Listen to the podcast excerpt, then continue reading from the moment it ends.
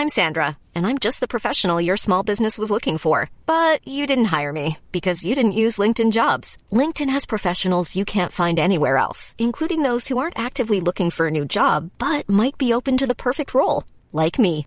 In a given month, over 70% of LinkedIn users don't visit other leading job sites. So if you're not looking on LinkedIn, you'll miss out on great candidates like Sandra. Start hiring professionals like a professional. Post your free job on linkedin.com/people today.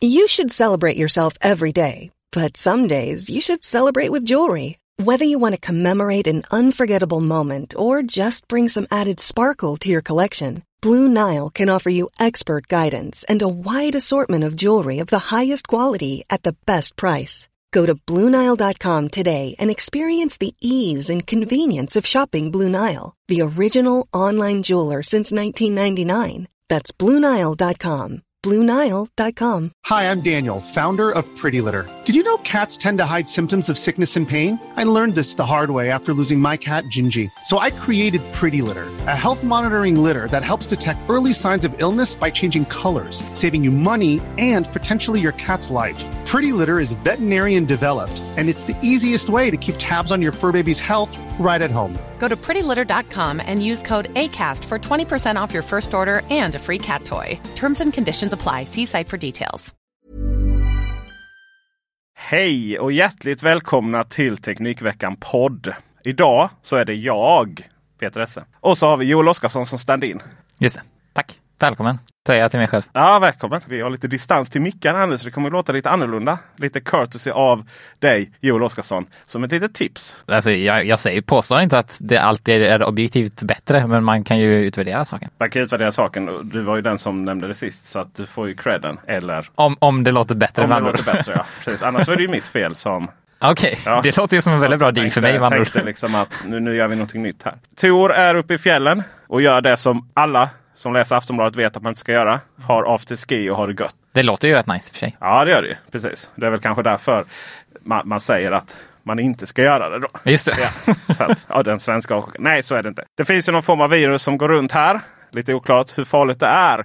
Men i den digitala världen så är det någonting som är betydligt större runt detta. Som f- gör att folk rasar och är förbannade. Och tycker att nu, nu har det gått för långt. Nämligen Netflix och Youtube Just det. har cappat bitraten. Just det, för att folk ska faktiskt kunna använda internet. Just det. Men då är min fråga till dig. Behövs det? Har vi problem med internet? Det vet jag faktiskt inte. Nej. har du haft problem med internet? Jag har inte haft några Nej. problem med internet. Nej, jag har faktiskt inte helt hört talas om någon som har haft det heller. Nej, exakt. Däremot så finns det ju många, det finns ju många av de här stora videokonferenstjänsterna och sådant som har varit väldigt överbelastade. Men det har väl inget, det har väl ingenting med Netflix att göra tror jag Det inte. har väl inte med Netflix att göra. Nej. Jag kan tänka mig att deras endpoint är ganska så använd. Men Ja. eh, det handlar ju om då från det här EU-kommissionär eh, med, som har ett namn. Som jag till och med när jag skrev det inte lyckades uttala rätt eller stava rätt till. Men han är ansvarig för den inre marknaden ska fungera i EU. Då. Och han har stolt pratat med Netflix att eh, ni måste dra ner på kvaliteten för att vi ska dela på internet. Var det inte lite tvärtom också? Att, som jag förstår det, Netflix vd hade sagt också att de hade den inställningen också. Jo, för nu har de ju gjort det på sitt håll.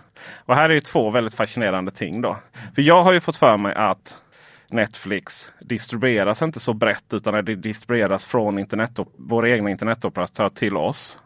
Via eh, en magisk röd box som Netflix bara ger till operatörerna. Det, så, så är det ju inte i alla fall dock. Det beror ju på vilken operatör man har. Så kan det såklart vara.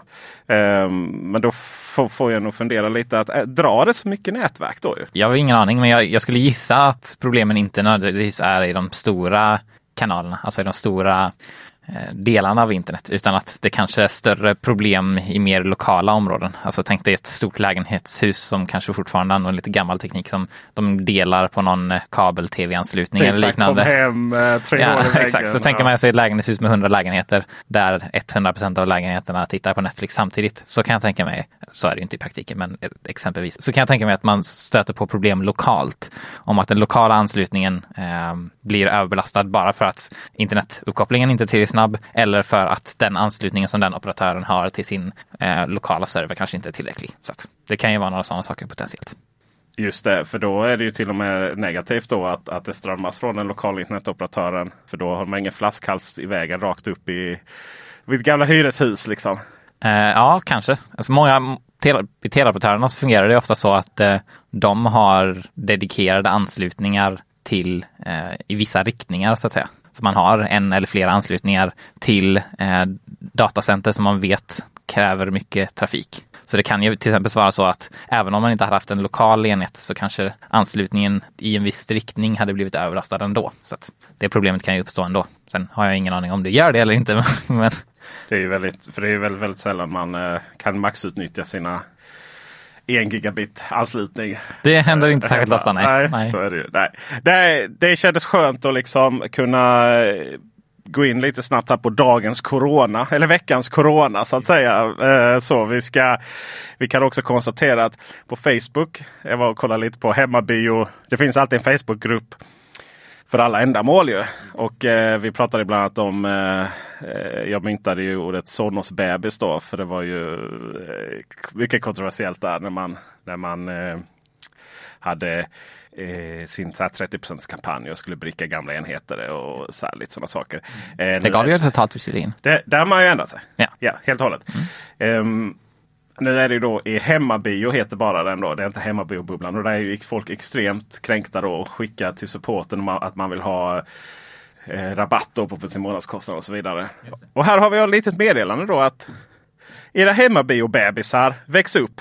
Det är inte det största problemet vi har just nu. Netflix har ju inte jättehög kvalitet även på högsta kvalitet om man bryr sig om hemmabio. alltså, så att skaffa lite Blu-ray-skivor istället. Om du verkligen bryr dig om det så kommer du, det kommer aldrig nedgraderas. För det, är inte så Nej, att... det här är det minsta problemet tror jag för Netflix om jag ska vara helt ärlig. Uh, så är det. Bra, då har vi avslutat veckans corona. Vi ska, vi ska gå in på ordinarie då. Detta kommer precis innan vi ska spela in här.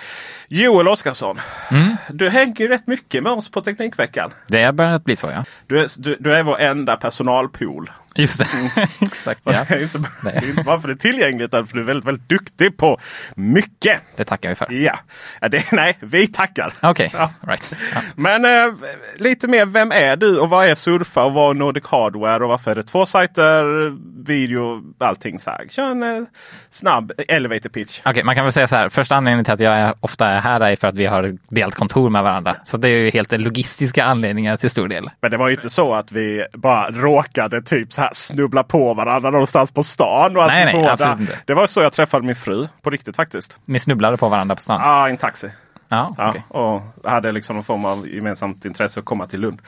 Ja, det var en tangent. Japp. Eh, men det var inte riktigt så det gick till. Utan vi, vi har ju lärt känna varandra. Ja, genom, genom branschen så att säga. Ja. Den lilla ankdammen. Just det, exakt. Jag eh, är heter Joel Oskarsson. Jag är chefredaktör på två sajter. Det är nordichardware.se och surfa.se. Jag började på Nordic Hardware 2015 när jag gick på universitetet och läste till journalist. Innan dess så hade jag... universitet? Eh, Linnéuniversitetet i Kalmar. Kalmar. Innan jag började på Nordic Hardware så hade jag drivit en egen eh, sajt som jag hade bloggat på för skojs skull sedan jag var typ 16. Eh, så jag har hållit på med det i sex år innan dess. Vid den tidpunkten hade jag skrivit 5000 nyheter redan när jag började på Nordic Hardware. Jag, jag gillade teknik om man säger så och gjorde det bara för skojs skull i, i, i princip. Eh, sen började jag på Nordic Hardware för att jag ville vara med i en lite större redaktion var tanken. Eh, så började jag skriva lite om datorkomponenter på Nordic Hardware. Eh, och sen ganska direkt när jag började på Nordic Hardware så insåg vi att jag har ett ganska starkt intresse för smartphones. Och Anton och Henrik som driver Nordic Hardware tyckte att det fanns utrymme för eh, en lite mer Nordic Hardware-stil mobilsajt i Sverige. En mobilsajt som har en lite mer vetenskaplig inriktning med eh, fokus på bra tester och objektiva artiklar och sådana saker. Eh, så ganska direkt så startade vi tankar på att starta en mobilsajt. Och det gjorde vi sen ett år senare, så 2016 startade vi surfa.se som vi nu har drivit i ett antal år med eh, fokus på tester av just smartphones. Så vi, eh, vid den här tidpunkten så har vi, så vitt jag vet, världens största smartphone-test med över 200 testade smartphones och uppdateras nästan varje vecka. Eh, förra året gjorde vi 52 tester, så det är ju en i veckan, pretty much. Eh, och Svenska Smartphone-guiden på surfa.se är vår huvudprodukt kan man väl säga eh, på Surfa för att den är eh, väldigt unik. Och på Nordic Hardware så driver jag som sagt den sajten som chefredaktör med ett antal skribenter. Micke som skriver om nyheter och vi har Emilie som gör en hel del tester av tangentbord och möss och grejer och så har vi riktiga nördar utöver det. Bland annat Gustav som är kanske en av världens största nörder på SSD. -er. Ja, han är beyond compare faktiskt med de flesta människorna på den här planeten.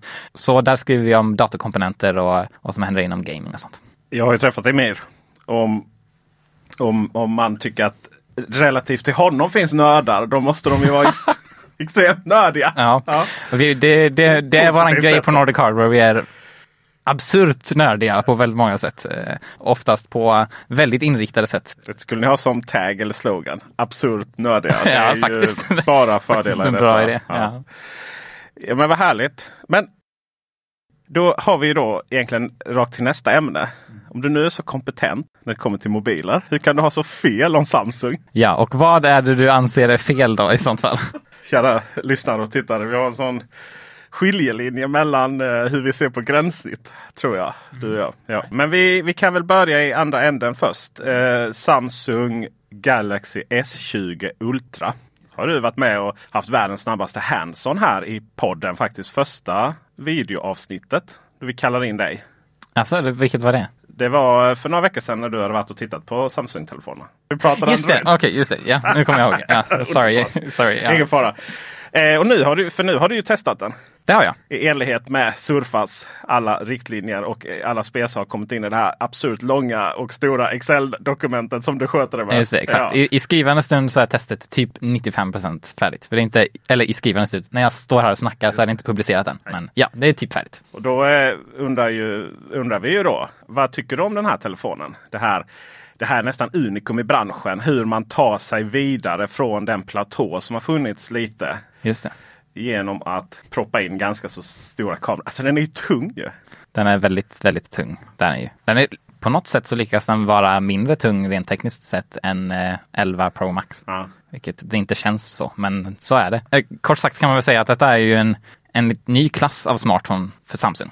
Det här är någonting mer än vad Galaxy S-serien brukar bjuda på, eller vad Note-serien brukar bjuda på. På det sättet att den är eh, extrem på väldigt många sätt. På sätt som många konsumenter inte har något behov av och som kan skapa negativa effekter. Men om man utgår från perspektivet om att man vill ha det absolut bästa så finns det ingenting som är i närheten för att vara helt ärlig.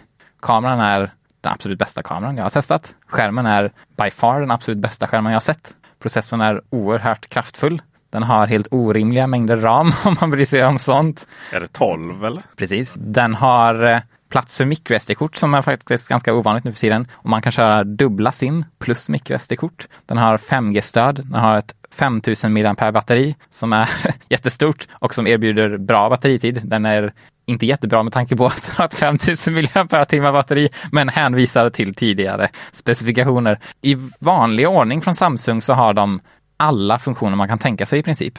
Och de gör det mesta tillräckligt bra. Och det gör att ingen kommer i närheten av den kvalitet av funktionalitet och prestanda som Samsung kan erbjuda. Och det gör den till den absolut bästa telefonen på marknaden just nu. Men kan det vara ett aktivt val av de andra att inte proppa den så full och sen ta ett pris. Vad kostar den? Knappt 15 000 kostar den. Och då får du bara 128 GB lagring för övrigt. Som sagt, den är extrem. Onödigt extrem på vissa sätt. På ett sätt som gör att, som sagt, många konsumenter har inget behov av den här telefonen. De har inget behov av att köpa, betala så mycket. De har inget behov av att ha en så stor och klumpig telefon som blir konsekvensen av det här. Ur mitt perspektiv när vi testar dock så har vi en utmärkelse som heter Bäst i test som handlar om vilken telefon är bäst oberoende på vad man har för preferenser. Kosta vad det kostar vill. Exakt, ja. Uh, och den passar den väldigt väl in i. Då kommer vi till den här skiljelinjen. Jag har väldigt svårt för Samsung-telefoner på grund av dess gränssnitt. Ja. Och jag kan inte riktigt förstå vad det är du tycker är så härligt med det. Först ska det ju poängteras att jag tycker inte Samsungs mjukvara är den bästa mjukvaran generellt. Däremot så tycker jag den är väldigt bra. Anledningen till att jag tycker den är bra är för att den är faktiskt väldigt funktionsrik och samtidigt på ett gammalt sätt väldigt enkel att använda. Väldigt straightforward på grund av sin funktionalitet. man kan göra väldigt mycket väldigt enkelt på ett sätt som är mycket krångligare på många Android-telefoner. Särskilt i Googles version av Android. Vilken av Googles version av Android? Ja, både Android 9 och Android 10. För sen är det lite, vad, vad pratar vi om här? För att det som jag stör mig på är ju svepgesterna. Eller avsaknad av dem framförallt. Och där ska jag säga att Android 9 är ju fruktansvärt. Där vet man inte om man, var man, om man stänger program eller om man eh, multitaskar och sådär. Jag tycker fortfarande inte att Android 10s navigeringssystem med så som Android-appar är idag heller är bra visserligen. Jag kommer från iOS-hållet som alla vet. Och jag är ju väldigt stort fan av att swipa uppåt, swipa uppåt, hålla inne så kan du byta mellan apparna.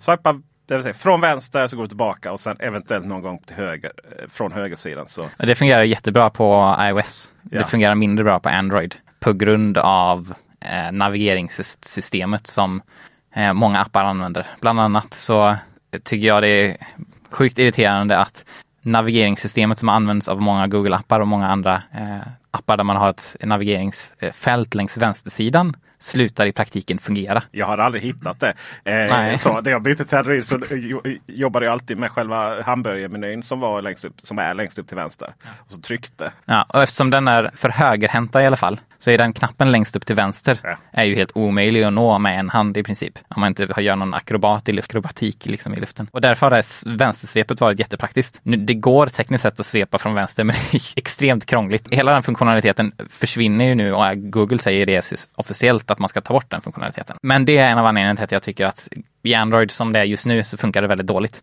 Dessutom så har ju Android gått om appar som använder sig av överliggande gränssnitt, såsom Facebook Messenger till exempel, som har eh, eh, bubblor som till exempel kan ligga till högerkanten. Då är det väldigt lätt att man, när man ska svepa från högerkanten då, för att man inte vill svepa från vänsterkanten, så får man tag i någon sån här bubbla och slänger den över skärmen istället för att gå tillbaka. Alltså det finns många komplexiteter i Android som gör att gestsystemet inte är 100% praktiskt, tycker jag. Men jag tror vi går dit. Samsung kommer gå i den riktningen också kan jag nästan garantera. Men i nuläget så tycker inte jag att gestbaserade navigeringssystemet i Android är objektivt bra på grund av de problemen som finns genererade av appar. Och det kan ju förändras. Ja, men där har du ju absolut en poäng. Du har ju skrattat lite åt mig för du menar ju att jag, jag har liksom inga argument. Så. Eh, det gillar jag. Eh, Det handlar egentligen om vad är ett argument? Det är ju den här känslan om vad man är van vid. Det är ungefär som den här diskussionen Windows MacOS. Jag mår ju fruktansvärt dåligt av att använda Windows. Men det är ju inte för att Windows är så fruktansvärt dåligt eller sämre än vad MacOS är. Det är ju väldigt likt på väldigt många sätt. Precis. Ja. Eh, Men det är ju det här med hur saker och ting är uppbyggt visuellt eh, och vad vi är vana vid. Och kanske också hur våra hjärnor fungerar. Och där är ju, där får jag ju, vi kan ju först då förklara, eller kanske sist här nu snarare, hur Samsungs gränssnitt fungerar rent navigationsmässigt. Från början så kommer de väl med de här knapparna, de virtuella knapparna längst Ja, ner. Exakt. Mittenknappen är, tar vi upp en telefon här. Mittenknappen är, tack, en rund cirkel som då går hem, hemknappen. Och sen så vänster då är eh, multitasking-menyn. Ja. Och höger är att gå tillbaka till hemknappen. Exakt. Och sen så går det då att sätta på i form av touchfunktioner. Då swipar man istället på samma sidor va? I Android 10 så fungerar det på samma sätt. Så att i, Jaha. med den nya versionen så har du det. Men det är ju knapparna som är standard så att säga. Ja. Så i Android 10 så har Samsung gått till samma som resten. Exakt. Okej, Precis. så då kan vi stryka och radera hela den här punkten. Det, alltså det, det är fortfarande högst relevant tycker jag på grund av standard. För att 99% av användare kommer inte ens hitta den. Nej. För att det är skitsvårt att ens veta var man ska hitta den inställningen någonstans. Jag brukar söka efter den för att det är lättast att komma ihåg. För att det är ju, Samsung har ju så sjukt mycket funktioner att deras inställningar är typ helt omöjliga att hitta i. Jag kan dra bara några snabba, innan vi går vidare till nästa ämne, Ja. några snabba anledningar till att jag tycker Samsungs mjukvara är bättre. Och det är för att de håller sig kvar vid till stor del hur Android fungerar i Android 8. Och det är eh, flera sådana här grundläggande användarfunktioner som många användare använder sig av ofta.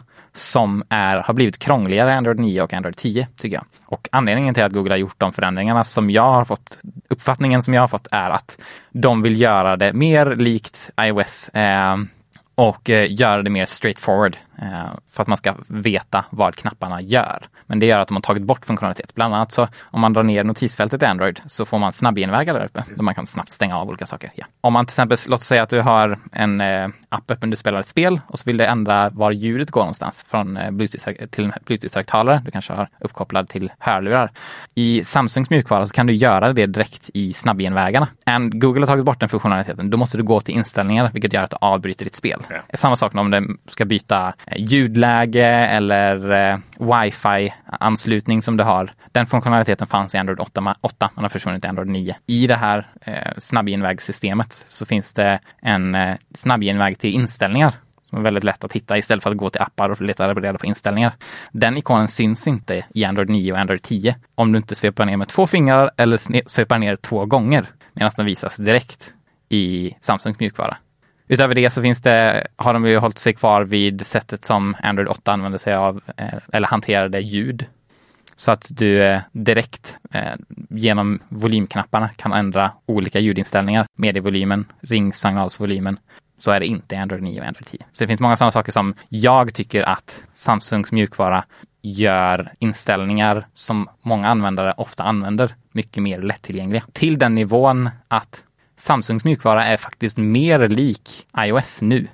För att i iOS nu så kan du göra precis på samma sätt som Samsungs mjukvara gör, ändra anslutna Bluetooth-enheter. Så att medan Apple går i riktningen mot mer funktionalitet så går Android i motsatt riktning. Möts någonstans på mitten i vissa sammanhang och, och, och skjuter över varandra i andra.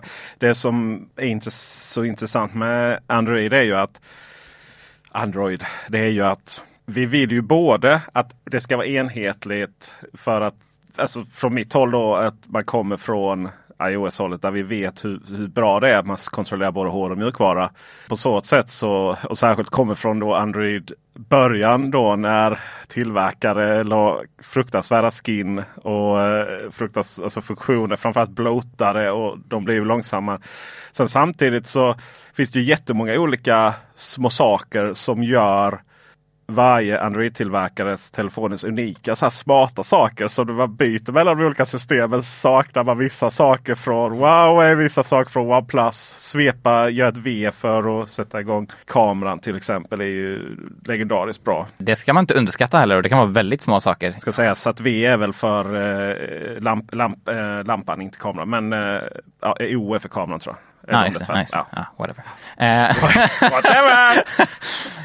man ska inte underskatta den, eh, de, hur de små sakerna blir en vana hos folk. Hur besvikna de kan bli när funktionaliteten ja, inte ja, finns. En sån liten sak som är kanske inte är jättemånga för att det inte är så många som använder dem, men Motorolas telefoner har ju sån funktionalitet att man kan skaka telefonen för att starta ficklampan och rotera den i handen för att starta kameran.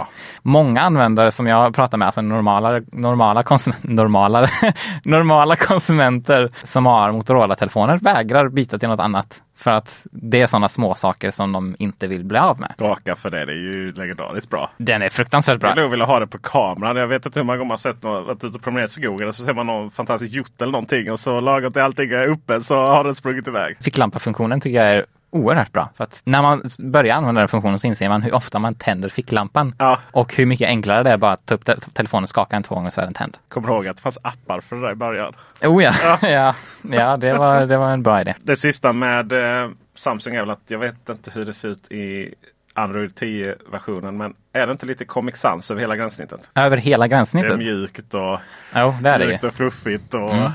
Jo, det är det. Tecknat. Det är det. Ja, det kan man ha sina åsikter om. Ja. Det är ju en väldigt subjektiv grej. Det som jag kan tycka däremot är bra med Samsungs mjukvara nu för tiden är att nu för tiden är det åtminstone eh, kontinuerligt eh, samma designspråk genom hela. Ja. Så var det inte på TouchWiz-tiden. Då var det ju... Ja, men det hette faktiskt TouchWiz bara fram tills för något år sedan. På den tiden så var det ju lite kaotiskt. Ingenting såg ut som det gjorde någon annanstans och så. Och då, då finns det inte någon eh, kontinuitet i hur hela designen ser ut. Så ser det bara ihop eh, rört ut. Nu ser det, tycker jag, åtminstone ser ut som det finns en tanke bakom det. Hiring for your small business? If you're not looking for professionals on LinkedIn, you're looking in the wrong place. That's like looking for your car keys in a fish tank. LinkedIn helps you hire professionals you can't find anywhere else, even those who aren't actively searching for a new job but might be open to the perfect role. In a given month, over 70% of LinkedIn users don't even visit other leading job sites. So start looking in the right place. With LinkedIn, you can hire professionals like a professional. Post your free job on linkedin.com/people slash people today. Hi, I'm Daniel, founder of Pretty Litter. Cats and cat owners deserve better than any old-fashioned litter. That's why I teamed up with scientists and veterinarians to create Pretty Litter. Its innovative crystal formula has superior odor control and weighs up to 80% less than clay litter. Pretty Litter even monitors health by changing colors to help detect early signs of potential illness. It's the world's smartest kitty litter. Go to prettylitter.com and use code ACAST for 20% off your first order and a free cat toy. Terms and conditions apply. See site for details. As humans, we're naturally driven by the search for better. But when it comes to hiring, the best way to search for a candidate isn't to search at all. Don't search, match with Indeed. When I was looking to hire someone, it was so slow and overwhelming. I wish I had used Indeed. If you need to hire, you need Indeed. Indeed is your matching and hiring platform with over 350 million global monthly visitors, according to Indeed data, and a matching engine that helps you find quality candidates fast. Ditch the busy work. Use Indeed for scheduling, screening, and messaging so you can connect with candidates faster. And Indeed doesn't just help you hire faster. 93% of employers agree Indeed delivers the highest quality matches compared to other job sites, according to a recent Indeed survey. And listeners of this show will get a $75 sponsored job credit to get your jobs more visibility at Indeed.com slash podcast. That's Indeed.com slash podcast. Terms and conditions apply. Xbox Series X. Hur många Xbox har X i sig? Det är ju alla Xbox. Men vi har ju... Ja, det var, det var en fantastiskt bra fråga. ju den heter ju senast det heter ju Xbox One X. Mm. Det är ju den eh, motsvarande Playstation 4 Pro. Ju. Just det. Och sen den andra heter väl bara One S. One S. Ja. Ja, och så finns det en digital version. också. Alltså, det känns jävla konstigt också att skriva Xbox Series X. Series vad? Kommer det komma? Ja, det kommer väl komma flera då. Min uppfattning är att Microsoft kommer gå i riktningen om att detta är Xbox. Det är produkten. Ja.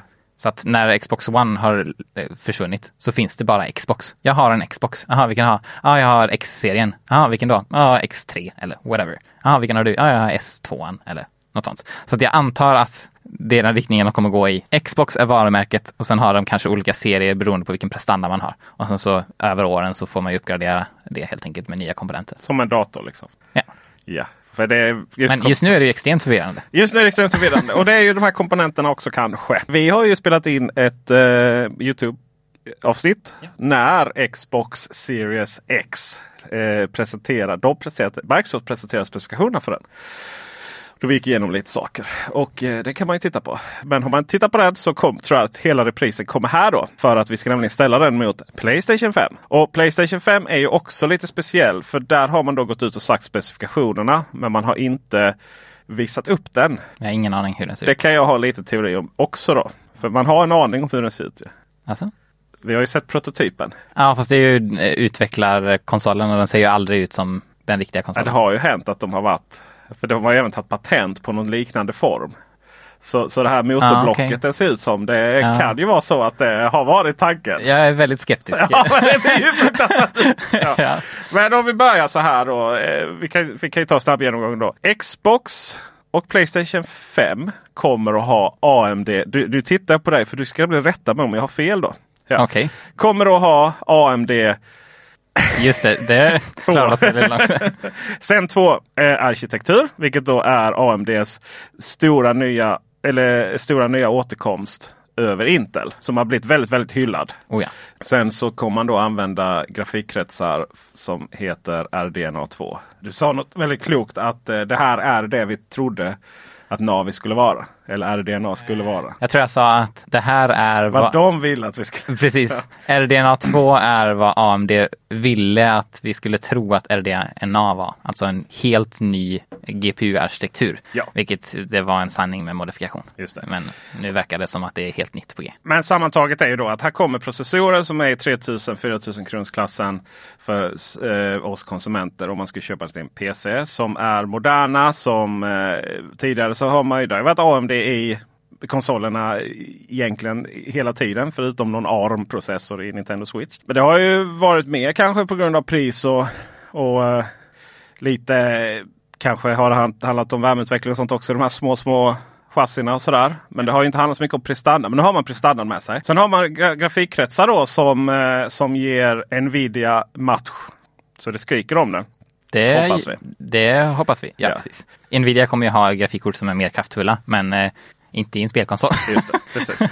och till på detta då. Och det, det i sin tur gör ju två roliga, eller det som jag eh, tycker är lite mer spännande då att vi kommer få rätt så raytracing i konsolerna. Vi mm. kommer att få mer naturligt ljus. Kul om man spelar Minecraft. Precis. ja, är... Microsoft köpte väl det Minecraft bara för att kunna för det är så lätt att visa på sådana effekter i, eh, i pixelspel. Liksom. Just det, de hade en väldig foresight om andra ord. Ja, det var ett tag sedan de ja, köpte de här. Men äh, Raytracing förklarar det lite snabbt. Det är ett sätt att beräkna hur ljus studsar i en simulerad miljö. Och det kan man säga gör att man kan simulera ljus på ett mer verkligt sätt. Så att eh, reflektioner i alla typer av eh, eh, material som ska simuleras ser jättemycket mer verkligt ut. Så att det ser jättemycket mer verkligt ut. Solen eh, strålar och man ser den i vattenpölen. Och ja, den studsar på en sten och fortsätter studsa på ett träd och sen kommer den. Ja. Och detta var ju någonting som introducerades för breda allmänheten i och med Nvidia RTX 20 serien.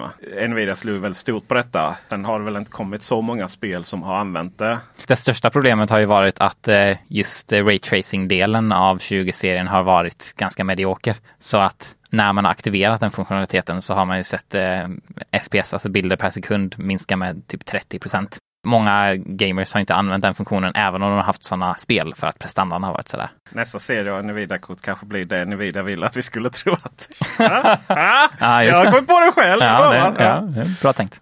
Så då har vi det och sen så langar de in SSD också i dem. Och det är ju första, första konsolen som har det. Um, så att vi kommer få eh, överjävlig grafik, 4K i minst 60 frames per second. Det är förhoppningen. Det är förhoppningen upp till 120 Xbox-fallet. Det kan ju se nice ut. Sen så är det ju ofta så att saker och ting och tech ser väldigt nice ut. Och sen så ska man ju då, ska man ju då eh, spelen utvecklas för alla konsoler inklusive Nintendo Switch. Och då blir det kanske inte så att man blir absolut mästare på att nyttja den här kraften. Men SSD in och eh, det betyder då att man förkortar laddningstiderna radikalt. Och Playstation 5, om jag förstått det, har då lite mindre kraftfull hårdvara. Alltså färre gigahertz både på grafikkortet och CPU. Den totala prestandan verkar vara lite lägre. Just eh, frekvensen är betydligt högre faktiskt på eh, PS5 på grafikkortsidan. Det är bara att antalet eh, beräkningsenheter är färre. Och då har jag förstått att det där är inte riktigt liksom att längst vinner när det kommer till spel riktigt så på det sättet som man kan tro. Det finns väldigt många fler saker att tänka på än bara någon total beräknings kraft helt enkelt. Eh, men ja, så är det. Generellt sett så ser det ut som att Playstation 5 har mindre beräkningskraft än Series X. Men dubbelt så snabb SSD. Just det. Och då undrar man ju vad, vad betyder detta då? Du, nu har vi liksom förklarat spesarna här. Vad är det? Så här, nu, ska, nu ska du alltså ge svar på en produkt som inte är lanserad. Den ena vet vi inte hur den ser ut. Vi vet inte hur mycket den kostar. Men vem ska vi köpa? Oj, var det det du skulle fråga?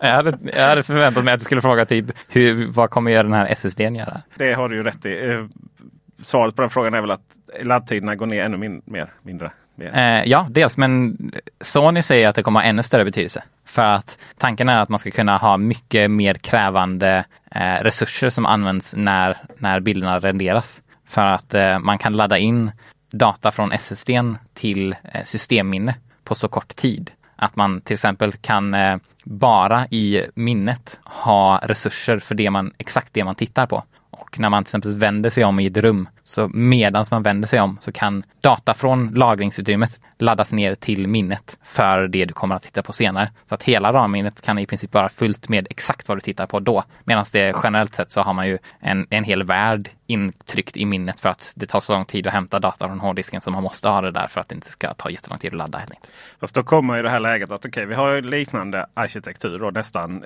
Eh, vi har ju, vi har ju samma arkitektur men, men lite olika versioner av dem. Ja? Ja. Du sitter där som spelutvecklare. Okej, okay, men då kompilerar vi till Xbox och vi, där kompilerar vi till Playstation. Ja, men du ska vi inte ta och uh, använda de här specialfunktionerna där och skicka in lite till minnet? Ska vi, ja, fast vad kostar det? Ja, så här bara timmar. Okej, okay, hur, hur, många, hur mycket framerate minskar vi det? Ja, men det är väl typ tre. Så låt oss skita i det och bara gå vidare. Just det. Och då har ju under Den tidigare PS4 slash Xbox One-generationen så har ju Sony haft en stor fördel i just speltitlar. Att har haft många exklusiva titlar. Och i de exklusiva titlarna så drar de ju nytta av varenda liten del av hårdvaran de kan. Eh, och eh, min kontenta när det gäller det här är ju att det här kommer inte ha någon betydelse. Skillnaden mellan 12 teraflops och 10,3 eller vad det nu är, kommer inte, ingen, ingen kommer bry sig om det. Det folk kommer, kommer bry sig om är hur mycket den kostar och vilka spel man kan spela. Oj vad de kommer kosta. De kommer kosta mycket. Ja. ja. Så eh, är det inte så att vi kommer ha kvar Playstation 4 ganska länge och vi kommer ha kvar olika Xbox? Det får man anta. Eh, å andra sidan så får man ju anta att eh, Microsoft kommer lansera nya Series, en ny serie för nya Xbox också som kan vara billigare. Alltså Xbox Series S till exempel. Ja, Så att den skulle kunna ersätta billigare modeller. Nu är ju varken du eller jag någon jättestor gamer. Mm. Så, och våra, jag tror våra lyssnare och tittare inte heller är det riktigt sådär. Men man kan väl ändå hävda att liksom, utvecklingspotentialen när det kommer till hur man bygger upp världar, historik, alltså, eller inte historiken, storyn, berättelsen. Yeah. Det har ju blivit lite av platå på sistone. Det känns som att eh, det mesta går ut på att hitta sätt att ta mikrotransaktioner i Fortnite istället. Jag menar, är det, är det råprestanda vi alla går runt och väntar på? Är det verkligen så? Och dessutom, vad kommer Google Stadia in i det här? Spelvärlden har inte alls eh kommit fram till någon slutpunkt när det gäller kreativitet och vad man kan göra i spelen. Alltså den här, särskilt på Playstation 4-sidan så har det ju kommit många spel under den spelgenerationen som har varit väldigt nyskapande och som har fått väldigt mycket beröm på grund av sin kreativitet och spelberättelse. Och... Spiderman till exempel. Ja, faktiskt. Eller God, God, of War och eh, ja. de spelen. Jag tror inte alls att det finns något slut på kreativitet och att det är en platå av det sättet. Däremot kan jag tänka mig att den nya tekniken kan öppna upp för bättre spel rent kreativt sett. Man behöver inte hela tiden anpassa sig efter hårdvaran. Tidigare har det varit så att man varit tvungen att anpassa eh, design av världar baserat på hur snabbt data kan hämtas från hårddisken till exempel. För att man måste ta användaren genom krångliga vägar för att man ska ha tid att hämta data för den där coola världen som man väl sen ja, kommer visst. fram till. Man måste springa, magi där bakom, måste liksom. springa i en hall i 30 sekunder ja. för att komma fram medan det laddas. Mass Effect, spelar du det? Nej. Det var världens bästa lösning. Man åkte hiss. Det var ju ladd, laddtiden. Men ja. där då kom det information om hur, vad som hade hänt i spelvärlden på olika sätt. Så, det var jätterelevant. Jag har aldrig varit med om på ett sånt sätt där man faktiskt, åh vad spännande, nu ska jag få åka, sitta laddtid här. Så jag får reda på typ vad som hände efter jag hade varit och härjat på den planeten. och så. Det var ja, ganska coolt. Ja. Men det här är ju igen då PC-hårdvara. Jag menar vi kan ju bygga en sån här idag. Bortsett då från att RDNA 2 inte finns. Men det finns ju... Ett 2080 kan man ju trycka in. 2080 kan man inte trycka in för 10 000 eller 12 Ja, eh, om det är TI va? Ja precis, en, en vanlig 2080 kostar typ 9000. Så om vi tar ett spel som man säger Grand Theft Auto 5. Mm. Öppen värld, massvis med tillägg, eh, jättepopulärt. Har det, det hade vi ju gått att göra större och bättre och, och så egentligen. Eh, eller har det liksom använt maxprestandan på PC-datorer har konsol, eller jag försöker, vad jag försöker fråga tror jag är att har behovet av någon form av kompatibilitet med konsolerna hindrat de spelen från att visa sin riktiga potential inom PC-världen? GTA 5 specifikt så tror jag svaret är nej. Men det finns ju gott om spel som är utvecklade för spelkonsoler och som får jättedåliga portar till PC. Så att de har jättedålig, eller onödigt dålig prestanda på PC. GTA 4 till exempel. Där hade det problemet. Det var fruktansvärt att spela okay. på uh, PC. det, var, det var ju inte bara, det var inte bara, det var ett sånt spel där man inte riktigt fick till kontrollerna och inte heller då du kunde inte pumpa upp grafiken så jättehögt. Eh, så. så det var väl därför GTA 5 blev sån succé sen. För man lärde sig av det misstaget kanske. Så vem ska vi köpa då? Ja du, alltså jag har, jag har väldigt svårt att se hur skillnaderna i hårdvara kommer vara avgörande för ett köpbeslut i nuläget. I slutändan så vill man spela spel på det. Om inte spelen som man vill spela på den konsolen eh, finns där så får man köpa den andra. I, så generellt sett när det gäller om man ska välja spelkonsol så är det spelen som är avgörande. Och de har vi ingen aning om nu. Eh, så att det får vi se när det, när det närmar sig. Att nörda ner sig i komponenter och specifikationer och klockfrekvenser i all ära. Men på spelkonsoler så eh, är inte det det som är det viktigaste. Själv är jag ganska nöjd med mitt Google Stadia-abonnemang. Ja, hur mycket har du använt det? Ja, jag loggade in i Destiny 2 någon gång fredag kväll då. då. Tycker det är mysigt. Framförallt tycker jag det är mysigt för att jag kan logga in och jag sitter bara datorn på språng. Mm. Eller jag sitter framför datorn och jobbar och är helt slut och bara vill in och ha ihjäl lite aliens. Eller hemma i vardagsrummet eh, på tvn. Ja. Eh, just på språng så krävs det att man faktiskt har ett bra internetlina där. För att, eh, Det är- det- annars blir allt det tråkigt. Då i, eh, det är dock inte, det, de lovar ju 4K och eh, 60 Hz. Mm. Eller frames per second också. Men eh, Destiny kör i 1080p men 60 Hz. Så det går ju... Det, man märker. Alltså, Har det, de några 4K 60-spel? det vet jag faktiskt inte. Det, För jag att det bara är i 30, men okej, det, Ja. det är möjligt. Att... Det är ju lite upp till 4K och 60 men, men eh, på Destiny då så, så är det ju ner på 1080.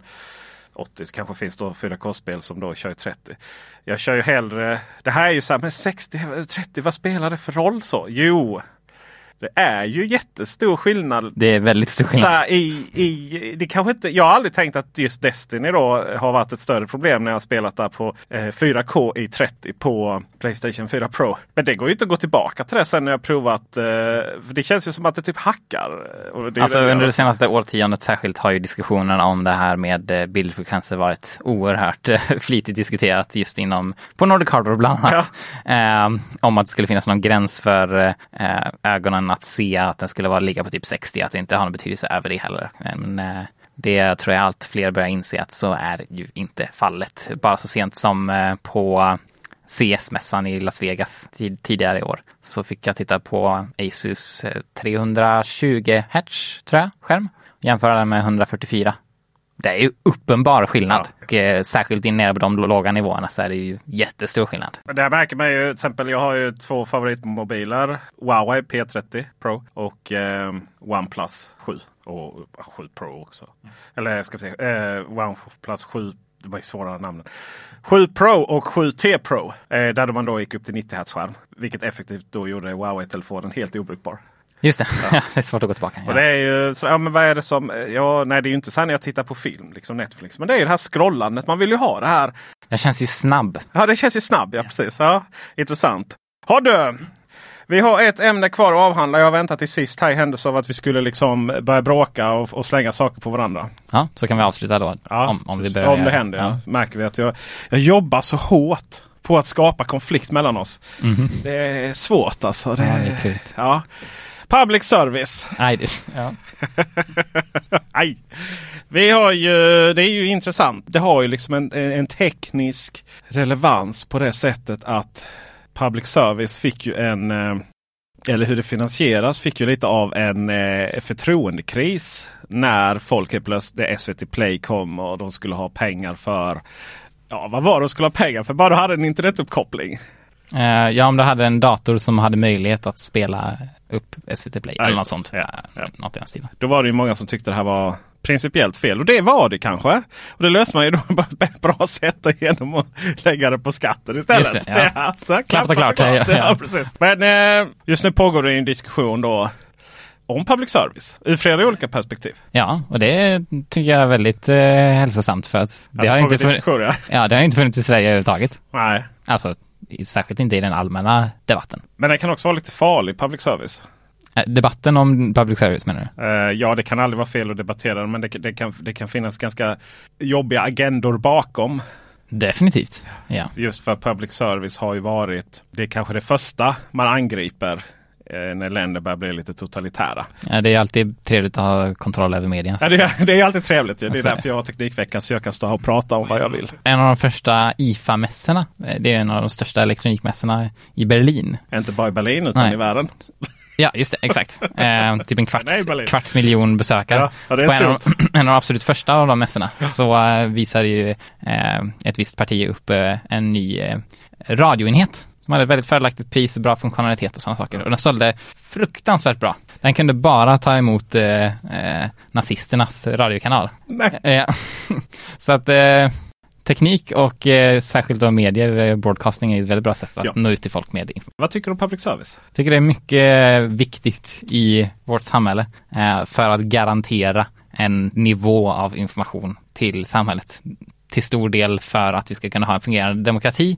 För att ska man ha en fungerande demokrati så behöver man ha möjlighet att ta ett eh, med informerat beslut om varför man röstar på ett parti. Har man inte det så har det ingen betydelse att man kan rösta. Alltså om man inte kan göra ett informerat beslut så har ju valet ingen betydelse längre. Att garantera kvalitativ information till medborgarna, den viktigaste informationen, det tycker jag är en eh, viktig roll för public service. Då undrar man ju sådana här kvalitativa produktioner som skidskytte och Melodifestivalen. Är det, är det viktig information till allmänheten? Jag tror att allmänheten tycker att den är viktig. um, ja, det, det, hemma är det så kan jag säga. Jag ja, flyger källan. Ja, precis. Jag har väldigt svårt att se varför public service ska göra någonting som någon annan redan kan göra, eh, redan kan bistå med. Anledningen till att jag säger att det är viktigt att public service kan garantera en viss information är för att det är så viktigt för samhället att vi kan inte riskera en situation där det inte finns någon som kan bidra med sådan information. Ja. Och dels så tycker jag inte att skidskytte är så viktigt eh, att man måste ha en statsgaranti för, eh, för det. Och eh, utöver det så finns det ju andra aktörer som kan göra samma sak. Vad är public service?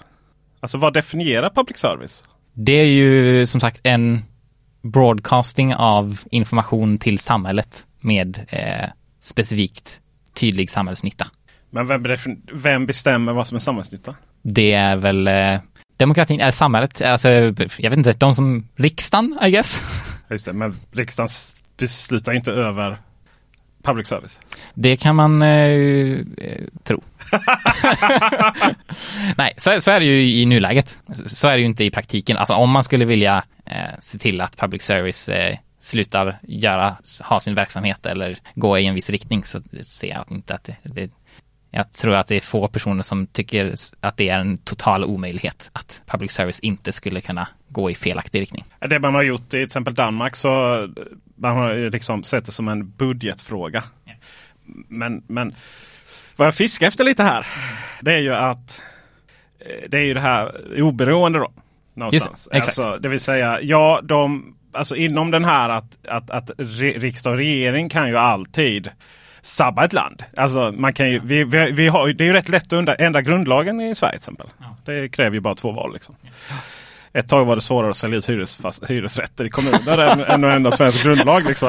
Ja, ja. Då är det lite så. Men, men, om vi ponerar då liksom att det finns en, det finns en, en gemensam tanke då om att public service ska vara oberoende. Mm. Eh, och oberoende handlar inte, det är många som kanske missuppfattar det, att oberoende handlar inte bara om Eh, och kanske ganska liten del om oberoende från staten. Men jag tror man också eh, blandar ihop det med någon form av oberoende journalistik. Och det är ju så att säga någonting som, som du pratar om att det är klart att journalistik ska vara oberoende. Men oberoende journalistik är ju inte digital. Det vill säga att oberoende journalistik hamnar ju ofta i att man försöker lyfta personer som har det lite svårt i samhället. Det är ju sällan man lyfter hur tufft Wallenberg har det. liksom. Mm. Så. Mm. Alltså det blir ju det blir någonstans ett, ett aktivt val att granska makten. liksom. Ja, det är, det är ju inte oberoende om man är helt, om man är helt flatline. Liksom. nu, ska vi, nu ska vi granska den tiggarens innehavande och vi ska granska makten. För Vi måste ha liksom form av jämnbild. Så. Ja, nej, nej, nej, så är det så, så, och, då, då, då, och då hamnar man ofta, okej okay, men det är jätteviktigt. Eh, det här oberoendet. Och det oberoendet då eh, gör man genom att riksdagen inte, eller regeringen, direkt inflytande över programinnehållet. Och inte heller några företag. Och då kommer ju frågan, men om vi har helt oberoende television och radio. Hur ska vi då styra att de inte gör det här fruktande Melodifestivalen? Jag har ingen aning. Jag vet inte exakt hur prioriteringarna görs, men jag skulle kunna tänka mig att om de har en betydligt lägre budget till exempel så måste det, för att de har ju krav från riksdagen på funktioner som de som krävs från public service. Och de funktionerna får man inte tumma på. Då kan man tvinga ner dem till att bara göra samhällsnytta genom att minska budgeten? Jag har ingen aning, jag är ingen politiker men jag Nej. skulle kunna tänka mig att det skulle kunna vara ett sätt att eh, bidra på. Men alltså det som är lite paradoxalt i den här diskussionen är ju som sagt faktumet att public service ska garantera demokratin och ändå har, för att vara helt ärliga, något inflytande, inflytande från riksdagen.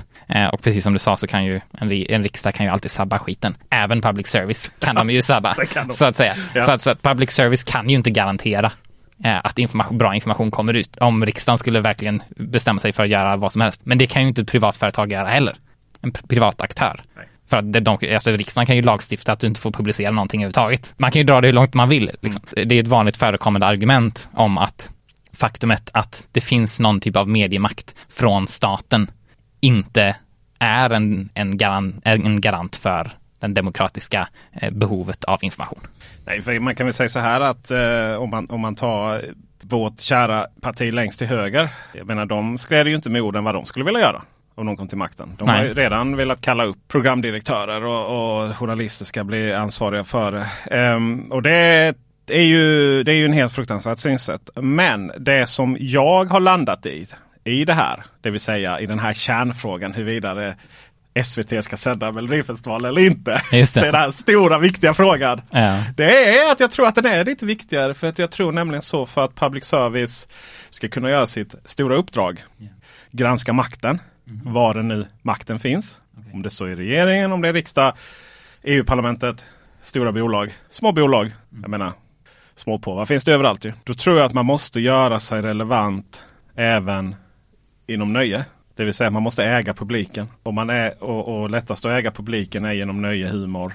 Och sen så har man också sina granskande program. Mm. Sen, sen, är ju, sen tycker jag ju personligen då till exempel att debatt och de här programmen när man bjuder in rättshaverister det är ju fruktansvärt. Så det är ju, och det är ju en extrem Stockholmsfixering. På det, är, det är det ju. Eh, det finns jättemycket kritik mot det. Det finns ju någonting tror jag med att de som tycker att public service är så fruktansvärt åt något politiskt håll. BBC har ju det problemet att vänster tycker att de tar högens. Ja, det var, det var ju därför de förlorade valet då.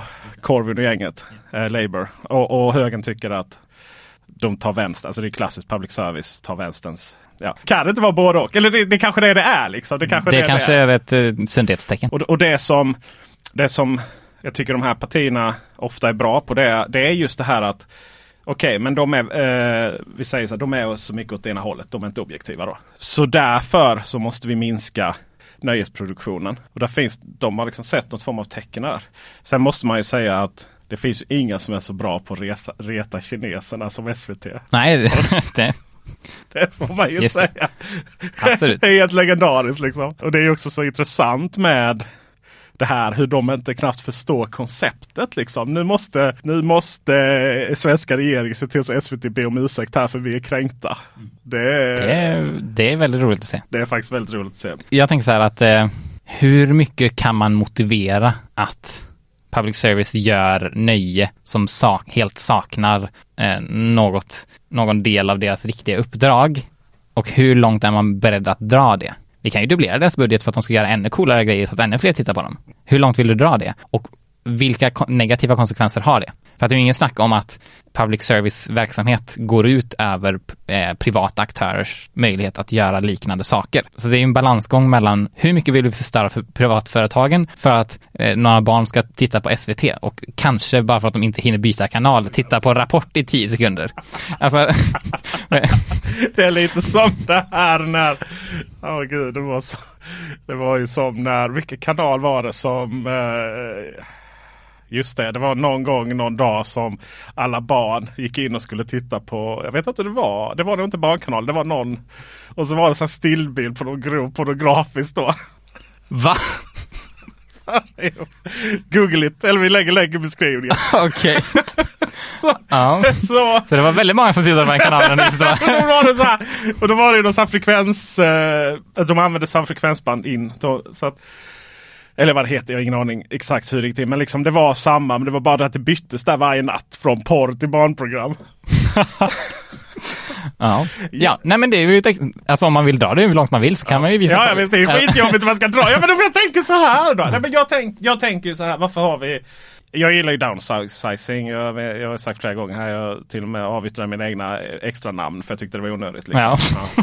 Så, det finns ju vissa sådana här konstiga saker med public service. Det är till exempel att Sveriges Radio får inte filma. Eh, varför skulle de filma? Jo men de har en hel webbsida. Som jag tycker för övrigt är oerhört bra. Ja. Deras första sida är fantastiskt bra. Där har man ju lite, där har man ju lite så här Um, SVT, de satsar ju, SVT och Sveriges Radio satsar ju jättehårt på webben. Där om någonstans så är det ju en konkurrens mot reklamfinansierade privata alternativ. Oh ja, jag hade ju gått till reklamfinansierade privata alternativ jättemycket mer för att läsa mina nyheter om inte Sveriges Radios hemsida hade funnits. Sen samtidigt är det lite så, ja nu börjar de gå bakom betalväggar till höger och vänster. Och det är plötsligt så blir ju i dessa coronatider, shit nu kom det med på Nu nämner vi det igen här i slutet. Ja. Men i, i dessa tider eller, eller val eller kaos. Liksom, då är det så här, ja men då vet man i alla fall att de här public service-bolagen alltid har öppna webbsidor där man kan få reda på samhällsinformation. Så där. Ja, det är det här garantargumentet helt enkelt. Men jag tror jag landar i att vi ska ha ett starkt public service. De ska få göra vad tusan de vill. De ska ha en generös budget. Men varför hela friden har vi ett public service för ljud och ett public service för bild och ljud? Det är ju konstigt. Jag kan tycka att Sveriges Radio borde ta över från SVT för att höja deras kvalitet lite. Där har vi det! Sveriges Radio tar över SVT. Det vore dessutom väldigt roligt för att eh, eftersom Sveriges Radio anses vara de lilla Ja. knattarna i gänget. Så. De är mästare på sat politisk satir det får man ju säga på ett helt annat sätt. Fram till Sveriges Nyheter kom i alla fall. Och eh, sådär. Ehm, mm, så det är, ju en, det är ju en idé. Även deras nyhetsjournalistik tycker jag är en helt annan nivå. Ja, i alla fall så länge du inte lyssnar på P3 Nyheter. Ja, okej. Ja, right. Ja. Mm. Deras normala nyhets... Ekot tycker jag Ekot är bra, ja visst är det. Och sen har vi ju, eh, sen har vi ju sen har vi P3 Dokumentär som ju är legendariskt tycker jag. Det är ju fruktansvärt, vår historia, svensk historia. Är ju, vi har gjort mycket skit. Ja. Steriliseringar, Ja, vi har... eh, Vipeholm-experimentet. Ja, vi har... Uh, Vi gillar att göra saker väldigt mycket. verkligen slå oss på bröstet sen. För det. Medan Sveriges SVT har ju, har ju problem att hitta sin samhällsroll i de här. Just att man, man har så gärna velat att nyheter ska vara lite sexigt. Liksom. Mm. Och det kanske det inte alltid är. Och det kanske inte är deras uppdrag heller att göra det. Det kanske inte är riktigt deras uppdrag heller. Där kom absolut inga svar mer än att vi har beslutat att SVT och Sveriges Radio ska gå ihop. Just det. Ja. Tack för att du kom hit Joel Oskarsson. Att Tack du mycket. flyttade dig från ditt skrivbord tre meter ditåt. Ja, krävs väldigt mycket energi för det. Ja, eh, och vi kommer ju få se dig så mycket mer. Nu kommer vi till sektionen eh, självreklam. Just det, exakt. Ja. Så eh, Nu, ska jag, nu, Titta in i nu, nu, kameran. nu betalar du för faktumet att jag är här. Just det. det, Titta in i kameran och berätta hur man får se mer av denna fantastiska människa. Ja, jag kan tipsa om väldigt mycket saker, men jag tipsar om specifikt två saker. Det ena är Nordic Hardware på YouTube. Som vi har en ny satsning som vi kallar NOTV som är en ny video varje vecka som handlar om datorer, gaming, mjukvara, allt sånt som har med Nordic Hardware-grejer att göra. Och utöver det så har vi precis nystartat våran eh, teknikpodd som jag och min kollega Anton gör tillsammans som heter Techbubbel som ni jättegärna får lyssna på. Särskilt denna veckan tycker jag det är ett jag är väldigt nöjd med det avsnittet vi gjorde där vi eh, faktiskt snackar om någonting som är relevant särskilt för många teknikintresserade som handlar om eh, hur tekniken påverkar oss i vardagen när det gäller stress. Yes. Techbubbel kan man söka på i alla Vi podcastspelare. länkar också givetvis i beskrivningen. Och eh, Teknikveckan. Eh, ni följer oss på alla kanaler. Men ni som följer oss bara på ljud ska ju också då veta att det finns på Youtube. Teknikveckan podd heter den. Och glädjande nog också så kan jag säga det att vi är nästan 100 Patreons. Wow. Så, ja, 96. Coolt. Så eh, känner ni att ni vill slänga in en slant till oss så eh, går ni till patreon.com teknikveckan. Och då får ni också den här reklamen. Reklamen, då får ni inte den här reklamen för då är ju Teknikveckan reklamfritt. Och ni får också eh, lyssna och titta redan på lördagar istället för måndagar. Vi tackar dig Joel Oskarsson. Vi tackar er som tittar. Ha det gott. Hej! Hi, I'm Daniel, founder of Pretty Litter. Did you know cats tend to hide symptoms of sickness and pain? I learned this the hard way after losing my cat, Gingy. So I created Pretty Litter, a health monitoring litter that helps detect early signs of illness by changing colors, saving you money and potentially your cat's life. Pretty Litter is veterinarian developed, and it's the easiest way to keep tabs on your fur baby's health right at home. Go to prettylitter.com and use code ACAST for 20% off your first order and a free cat toy. Terms and conditions apply. See site for details.